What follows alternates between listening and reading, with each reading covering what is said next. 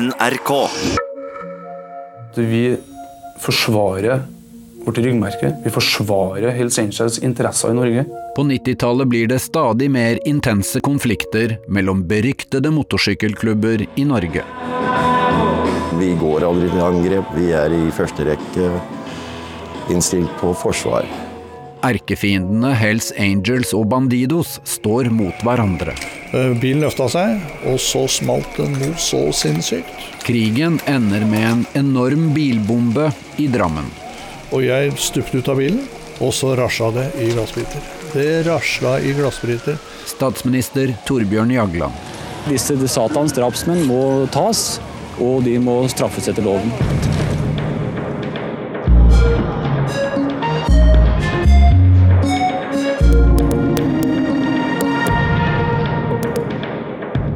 Hører på hele historien om MC-krigen mellom Hells Angels og Bandidos av Kaja Frøysa.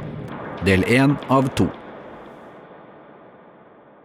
Jeg tror ikke Norge sånn i forhold til kriminalitet og vold har egentlig opplevd noe lignende. Hells Angels, helvetesenglene, på vei inn i Sverige. Den beryktade och mytomspunna MC-organisationen har förgreningar över hela världen. Krigen mellom Hells Angels og hovedrivalen Bandidos begynner i Danmark tidlig på 80-tallet. Nu etablerar sig Hells Angels också i Sverige och Norge.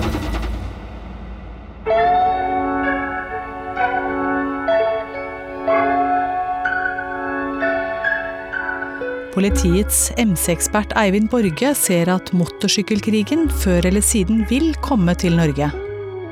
Det var jo en konflikt som hadde utvikla seg fra, fra Danmark-Sverige.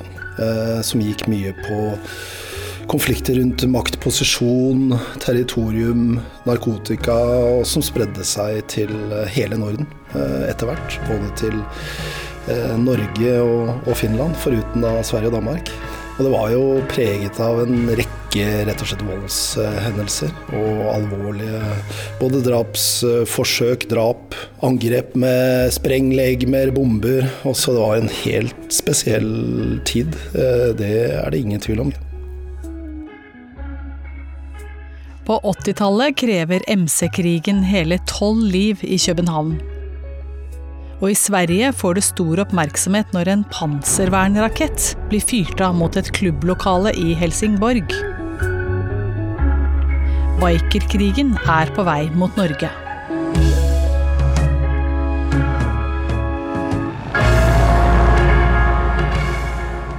Politiet mener konflikten handler om kamp om territorier og kontroll over narkotikahandelen. Vi var jo forberedt på at det kom til å kunne spre seg. MC-klubbene sier på sin side at det handler om ære, blodhevn og broderskap.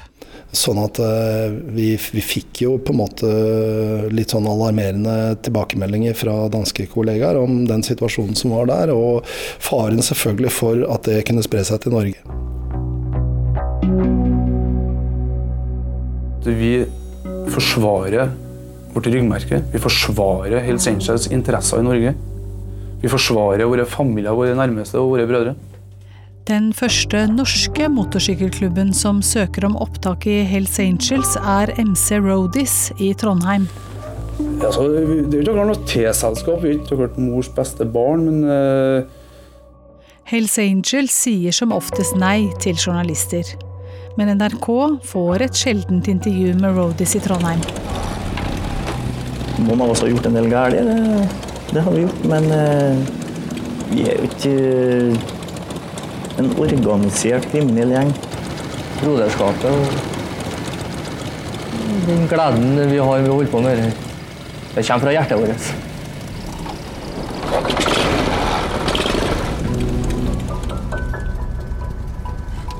Nå står klubben overfor et vendepunkt. De har vært prøvemedlemmer i Hells Angels i ett år. Fullt medlemskap i verdens største MC-organisasjon er like rundt hjørnet. hvor det er uoverstemmelser mellom, eh, mellom klubbene. Eh, Vil dere da i spesielle situasjoner godta vold? klart vi vil forsvare oss sjøl. Altså. Oss sjøl og våre merker og våre familier. Det er klart. Det er helt klart. Hvis det som alle gjenkjenner som den italiensk-amerikanske mafia, hadde etablert et avdelingskontor i Norge, i Trondheim, så ville alle ha forstått hva det dreier seg om. Politimester Ivar Oftedal i Trondheim. Med sine egne regler, med sine egne standarder, med sin egen kultur, sine egne seremonier. Og at de føler seg spesielle. De, de markerer det utad i, utad i enhver sammenheng. Og de får respekt for gjennom den opptreden de viser, ved vold spesielt, da, så, så, så, får de respekt, eller frykt. Den respekt som har sammenheng med frykt. Og dere tar avstand fra de kriminelle handlingene som Hells Angels-medlemmer er dømt for i USA og i Danmark? Nei, vi tar ikke avstand fra det, men hvert enkelt individ han står for det han gjør, og det som er gjort.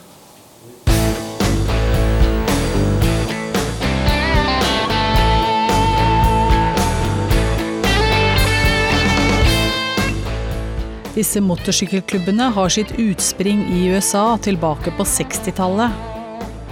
De liker å kalle seg 1 %-klubber. Det vil si den ene prosenten som de andre lovlydige motorsyklistene ikke vil ha noe med å gjøre.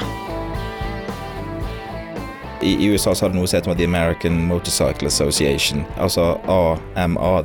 Det forteller fotograf Marcel Lelinhoff, som kjenner Hells Angels godt. De hadde et, um, et race i en liten by som heter Hollister, som ligger i California. Som ble invadert av uh, en gjeng med relativt utagerende bikere.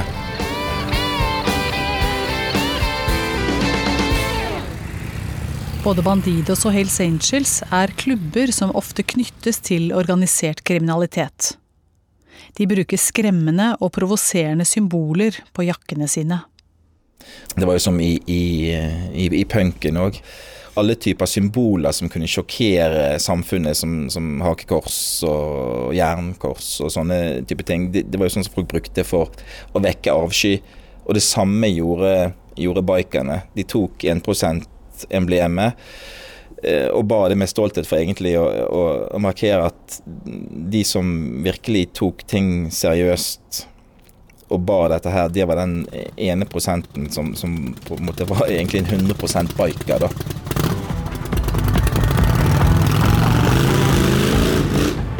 Hells Angels begynner nå å få fotfeste i flere norske byer.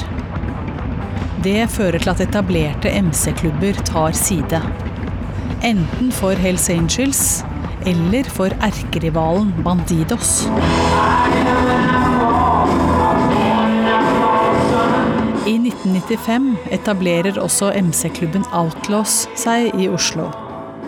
Leder Tore Henki Holm Hansen får Dagsrevyen på besøk. Ah. Helt uten hjelm. La håret flagre litt, og helst komme hjem med noen fluer i tenna.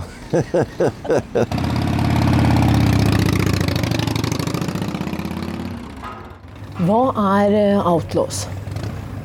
Det er en gruppe med motorsykkelinteresserte individer som ønsker å kjøre på landeveien i frihet og fred og fordragelighet. Så du tror ikke at folk får eh, oppfatningen når de hører det navnet, at dette er noen som står utenfor loven? I, altså I Amerika er det vanlig å bruke outlaw-betegnelsen på både ditten og datten. Det er ikke noe nedverdigende å hete outlaws. I hvert fall ikke i USA. Uh, ved selve navnet. Altså Hva folk flest oppfatter, er dessverre det som bildet som gis av politiet, hvor de legger alle under én kam. Outlaws uh, livnærer seg ikke av den omfattende narkohandelen som påstås tilhøre dette miljøet. Vi er selvstendig næringsdrivende og, uh, eller har jobber alle mann som unntatt én som er arbeidsledig for tida. Vi går aldri til angrep. Vi er i første rekke innstilt på forsvar. Er det noen som angriper oss, så er vi utrolig flinke til å forsvare oss. Outlaws tar side i konflikten. De støtter Bandidos mot Hells Angels. Bildet politiet i Oslo har fryktet lenge, er komplett. Nå setter de ned en egen MC-gruppe. Både den organiserte kriminaliteten som vi, vi så spirene til, starta jo på mange måter da. Vi fikk etablering av de første MC-klubbene. Vi så at andre kriminelle grupper ble mer profesjonelle i forhold til utøvelse av kriminalitet med innførsel av narkotika osv. Eivind Borge er en av politifolkene som kjenner bikermiljøet aller best begynte jo på MC-gruppa, som det het den gangen, ved Oslo politidistrikt. Hvor vi jobba direkte mot denne konflikten, og, den, og den var jo prega av den nordiske bikerkrigen den gangen. Da.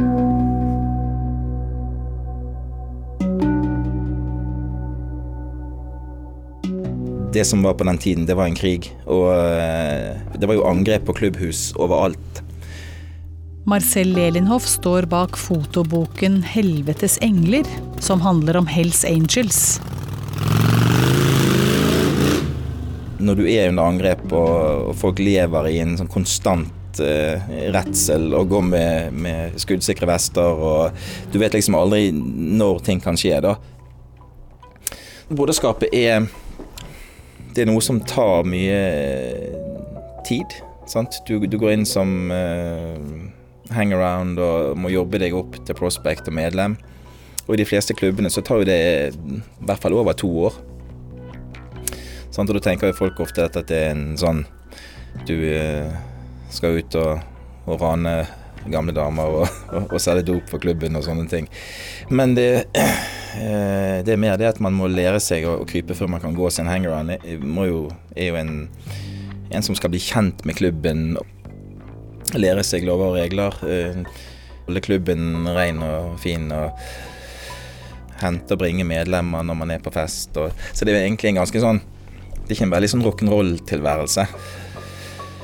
Det fordrer jo at du faktisk kan oppføre deg og omgås eh, brødrene dine og holdt på å si, ta vare på klubben. Ikke bryte regler og Det er veldig mye dette her at ryggmerket ditt du kan ikke vanære det på noen måte. Her er NRK Dagsnytt, klokken er 19. En mann ble skutt utenfor ankomsthallen ved Oslo lufthavn Fornebu i ettermiddag. I mars 1996 kommer krigen mellom de to rivaliserende MC-miljøene for alvor til overflaten i Norge. Hells Angels på den ene siden, Bandidos og Outlaws på den andre. Også utenfor København lufthavn Kastrup ble en person skutt og drept i ettermiddag. To andre er hardt såret. Vi har jo hatt disse voldsepisodene hele vinteren. Kriminalsjef i Oslo, Knut R. Mikkelsen. Vi sammenligner oss med Danmark og Sverige, hvor det da til tider dukker opp handlinger av den typen. Men vi kunne ikke forutse at det akkurat skulle skje nå. Mannen som skjøt og såra et medlem av motorsykkelgjengen Bandidos utenfor Oslo lufthavn på Fornebu, er fremdeles på fri. Et Hells Angels-medlem blir senere dømt for skuddene på Fornebu. Alle vet når du kommer eh, fra et eller annet sted eh, med et fly, så eh, du er totalt ubevæpnet. Og da stå parat til å plaffe ned, det er, det er så lite mandig. Tore Henki Holm Hansen i MC-klubben Outlaws føler seg ikke lenger trygg. Han kjører alltid i følge med andre. Fire øyne ser mer enn to. Jeg har ikke øyne i nakken. Og det er vanligvis der skuddene kommer fra.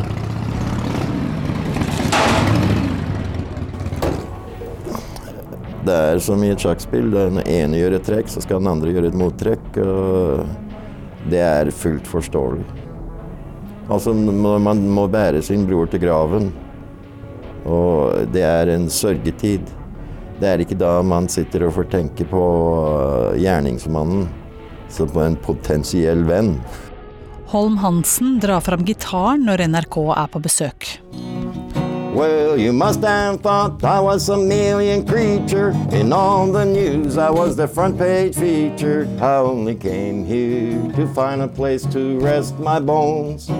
Etter skuddene på Fornebu frykter politiet nå at det bare er et tidsspørsmål før liv går tapt, også på norsk jord.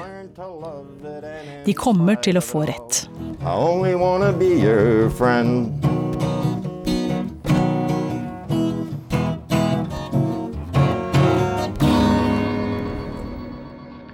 Her er NRK Dagsnytt klokka 7.30. Politiet har få spor etter drapet på dansk MC-medlem i Eiker i Buskerud. Et dansk Bandidos-medlem blir skutt på en øde landevei utenfor Drammen. MC-krigen har fått sitt aller første dødsoffer i Norge. Jeg hører på politiradioen, og der er det, blir det meldt om en trafikkulykke. MC-ulykke, og en fyr som ligger, i, som ligger stille i, vei, i veibanen. Rune Folkedal jobber som fotograf i Drammens Tidende. Eh, har på politiradioen, kjører, rykker ut, som jeg pleier. Og hører da at, det er, eh, at ambulansetjenesten snakker om eh, et inngangsår og et utgangsår. Og det er jo typisk sånn skudd, skuddrelatert.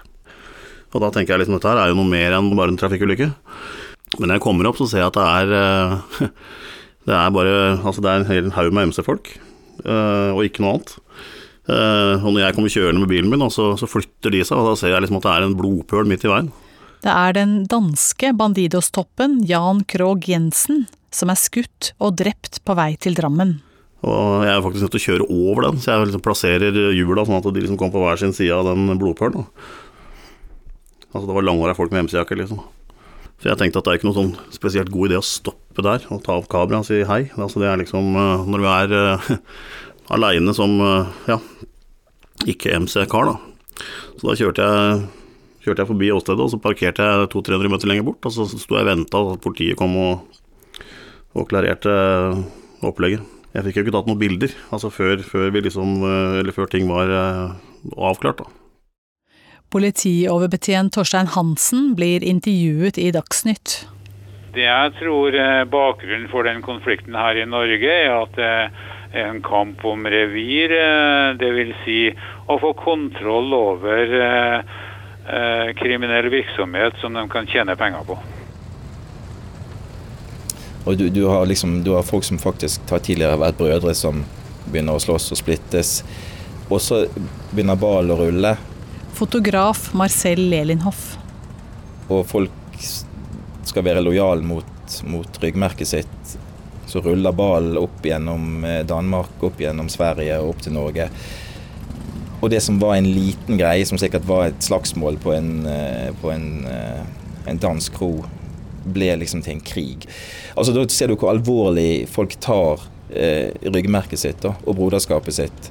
At det er noe som ja, Folk går i døden for det. Det er noe du, du går inn i med, med hud og hår. og, og sant? Mange forsaker familie. og eh, du får en ny familie. sant? Når du kommer inn i, klubben, så må du faktisk Du er nødt til å følge de reglene som er satt. Og du er nødt til å skikke deg, for ellers så, så ødelegger du for de andre, og da er det ut igjen. Dette er mer som en blodhevn, vil jeg tro, enn en noe annet. Jeg vet at det verserer mange teorier om at, at det var krig om, om narkotikaterritorier og sånne ting, men det er bare tull. Det er sikkert enkelt for politiet kanskje å ha det sånn, men men dette er nok mer en, en blodhevn. Det går ikke mange dagene før gjengjeldelsesaksjonen kommer. Denne gangen er det Bandidos som skyter mot en bil med Hells Angels-medlemmer midt i Oslo sentrum. Bare flaks gjør at ingen menneskeliv går tapt denne gangen. Ja, hva kan politiet gjøre?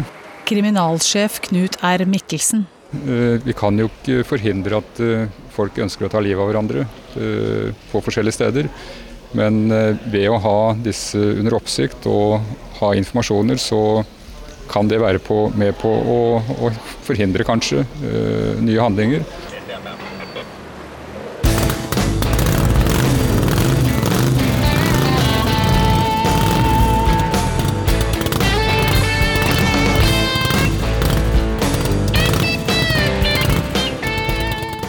Er det tre Hells Angels-klubber i Norge.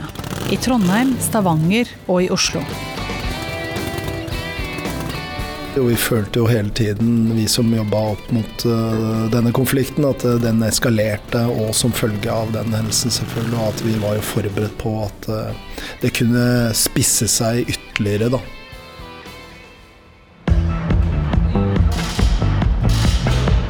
På Hamar møtes en gjeng voksne karer som kaller seg for screwdrivers. De har en felles interesse for motorsykler. Hamarklubben ønsker å bli fullverdige medlemmer i Hells Angels og bli et såkalt chapter. Først må de utføre plikter for klubben. En av oppgavene Hamarklubben skal gjøre, kommer til å få katastrofale konsekvenser i Drammen.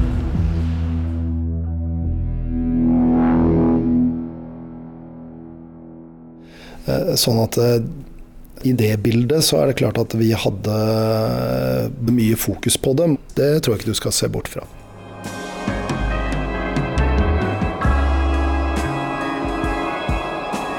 I løpet av 1996 og 1997 er det nesten daglig voldsepisoder eller annen kriminalitet knyttet til de to rivaliserende klubbene.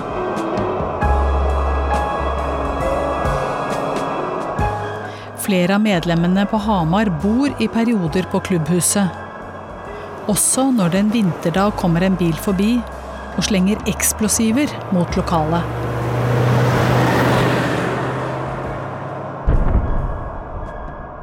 Vi hadde skytinger mot Bandidos-medlemmer, mot Hells Angels-medlemmer. På Hamar øker sikkerhetstiltakene. Klubben som prøver å bli medlem av Hells Angels, har montert snublebluss rundt tomta. Alt fra sprenglegemer som ble kasta, det blei molotov-cocktail, det var bilbomber mot Strømsveien 222. En bil med en bombe parkeres rett utenfor klubblokalene til Hells Angels i Oslo. Med panseret rettet mot Hells Angels hus gjorde Mazdaen med bomben det den skulle. Om den var ment å skulle drepe, var det en tilfeldighet at den ikke gjorde det. Bilen med bomben blir satt på tomten til et hus der det bor to unge brødre. Du bare hørte jeg broren min rope at det har vært eksplosjon. Da var det sånn hysteri med en gang. Hvor lå han? Og så Han lå i rommet som du ser rett bak her. sånn. Så halv meter fra vinduet så lå han. Og Hvor lå du da? Og Da lå jeg i rommet ved siden av, som vi ikke ser vinduet av. Rett under vinduet. Klubbmedlemmene har sagt at de så hvem som plasserte den stjålne bilen på tomta. Men foreløpig er ingen pågrepet. Vi tror det er Banditos, og det bygger vi selvfølgelig på den krigen, feiden som har vært mellom disse motorsykkelklubbene, både i Norge og i de andre nordiske land i den siste, siste tiden. Og der har det jo tidligere vært brukt bomber, brannbomber, skyting mellom disse, disse, grupperingene. Så vi mener det er meget nærliggende å tro at det, det ligger i den gata der. Selv om media er veldig interessert, vil ikke MC-klubbene snakke med journalister. Ja vel, det, det vil ikke Bandidos truer og jager bort Dagsrevyens TV-team. Ja, ja, nei, men det, det, er greit. Vi skal, vi skal, gå nå, vi. Det er helt i orden. Jeg spurte Det er greit. De får tre minutter på å komme seg unna.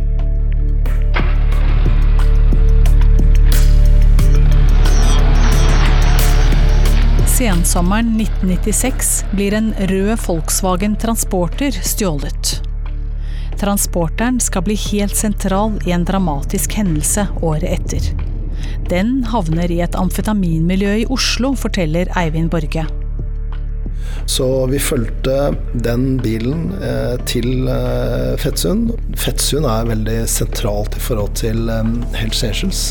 Og videre så viser eh, avdekka etterforskningen at den havna til slutt da på Hamar.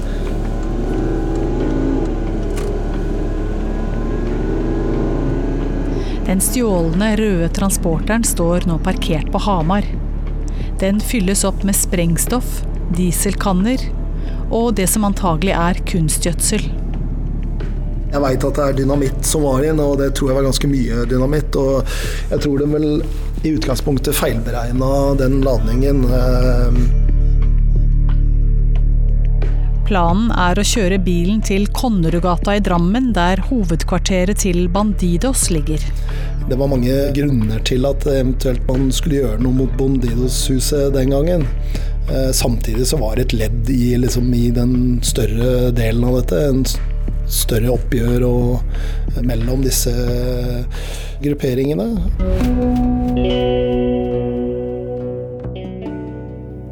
Den røde varebilen kjører sørover fra Hamar. På samme tid er grillen varm hos Ingunn Refsnes på Konnerud. Hun har besøk av kusinen Irene og ektemannen Jan. Jeg kjøpte masse med grillmat og sånn, og skulle kose oss skikkelig. Og Kjempevær var det, og sol og Irene og Ingunn er bestevenninner. Og så grilla vi og hadde salat og hadde det så koselig og satt ute. Og, og uh, vi tok hver sitt glass champagne og sånn. og Veldig humør, og det, vi lærer og vi hadde Ja, det var veldig mye sånn. Vi, det var veldig gøy. Ingunn og Irene kommer fra samme plass på Stad. Og de bruker kvelden til å planlegge en reise hjem til familien. Så uh, da sa jeg at da avtaler vi sånn at vi reiser sammen. Da skal vi ha det gøy når vi er der. og sånn. Og det var det siste vi avtalte. Så vi gledde oss litt til det. Det er onsdag, og det begynner å bli sent. Og så uh, når jeg kom til kaffen og desserten og sånn, så så jeg kjøpte en flaske god konjakk og sånn, kanskje vi skal ta oss en liten sånn, jeg og du, for han Jan kjører jo bil. Nei, sa han, vi skal jo på jobb i morgen, så jeg tror jeg står over, sier hun. Men da hadde jeg slått oppi konjakkglasset lite grann. Det. Og vi bare nippa litt til den. Og så ble ikke det drukket noe mer av den. Men i ettertid jeg tenkte jeg skulle ønske hun drakk hele det, denne lille konjakken som hun fikk.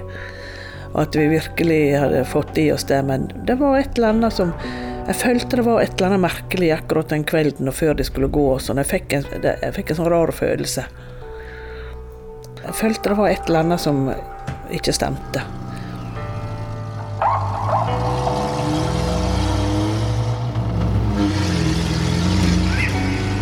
Klokken er litt over halv tolv denne lyse junikvelden i 1997 når Irene og mannen kjører fra Konnerud.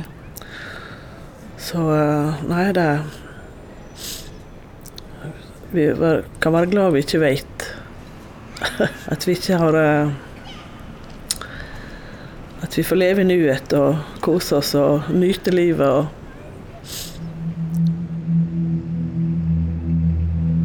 Onsdagskveldene er fast møtedag i motorsykkelklubben Bandidos. Det er mange medlemmer samlet i klubblokalet. En av dem som er til stede denne kvelden, er den danske Bandidos-toppen, Mikael Lerke Olsen.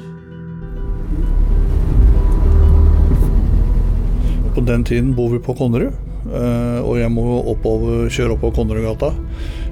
Som jeg har gjort mange, mange ganger. Så jeg kjenner strøket veldig godt. Harald Henry Larsen er fra Drammen. Han er ferdig med et sent møte i Oslo og er på vei hjemover. Jeg har en rar følelse når jeg kjører oppover Konnerudgata. Og det er veldig stille rundt meg. Det er ganske mørkt. Og jeg er rimelig sliten. Og vil gjerne fort hjem. Den røde transporteren er også framme i Drammen. Sjåføren har stoppet bilen. Han tenner på noen lange lunter og kjører det siste stykket oppover Konnerudgata. Nå har han ingen mulighet til å stoppe den planlagte eksplosjonen.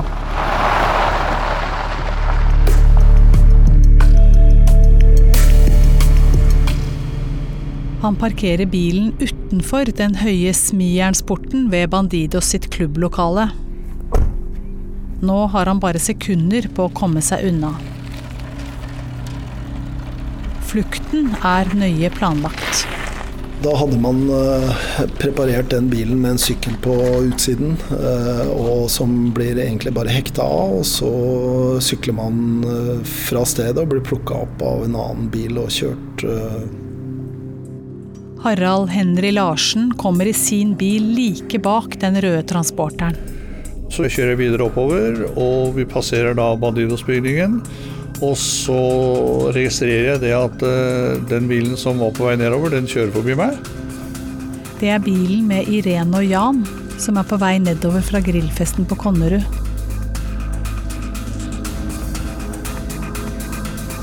Og så, så er det et eller annet som skjer.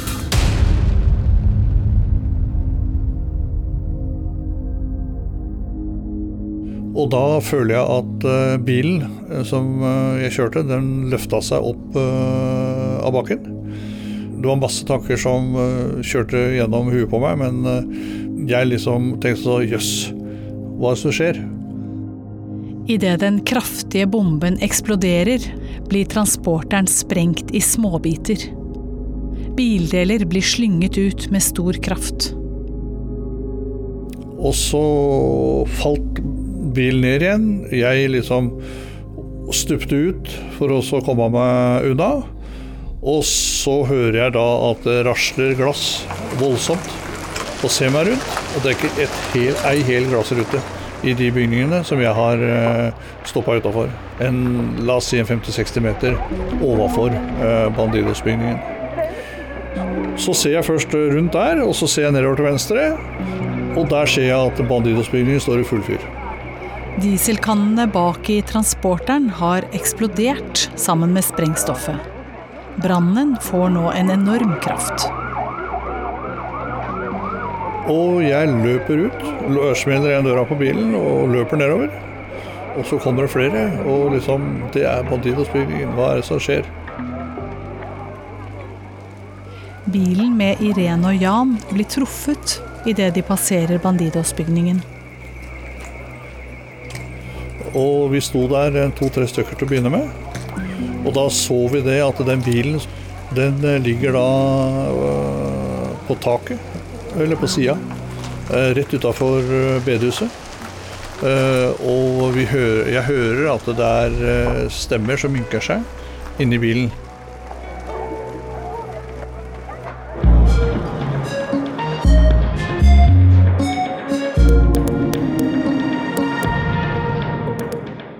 Du har hørt den første av to deler om MC-krigen mellom Hells Angels og Bandidos av Kaja Frøysa. Lyddesign Kjetil Hansen, produsent Kjetil Saugestad og redaktør Siril Heierdal. Følg historien videre. På himmelen henger politihelikoptre, gatene er sperret, og fortvilte beboere går rundt i gatene og har vanskelig med å fatte hva som egentlig har skjedd. NRK.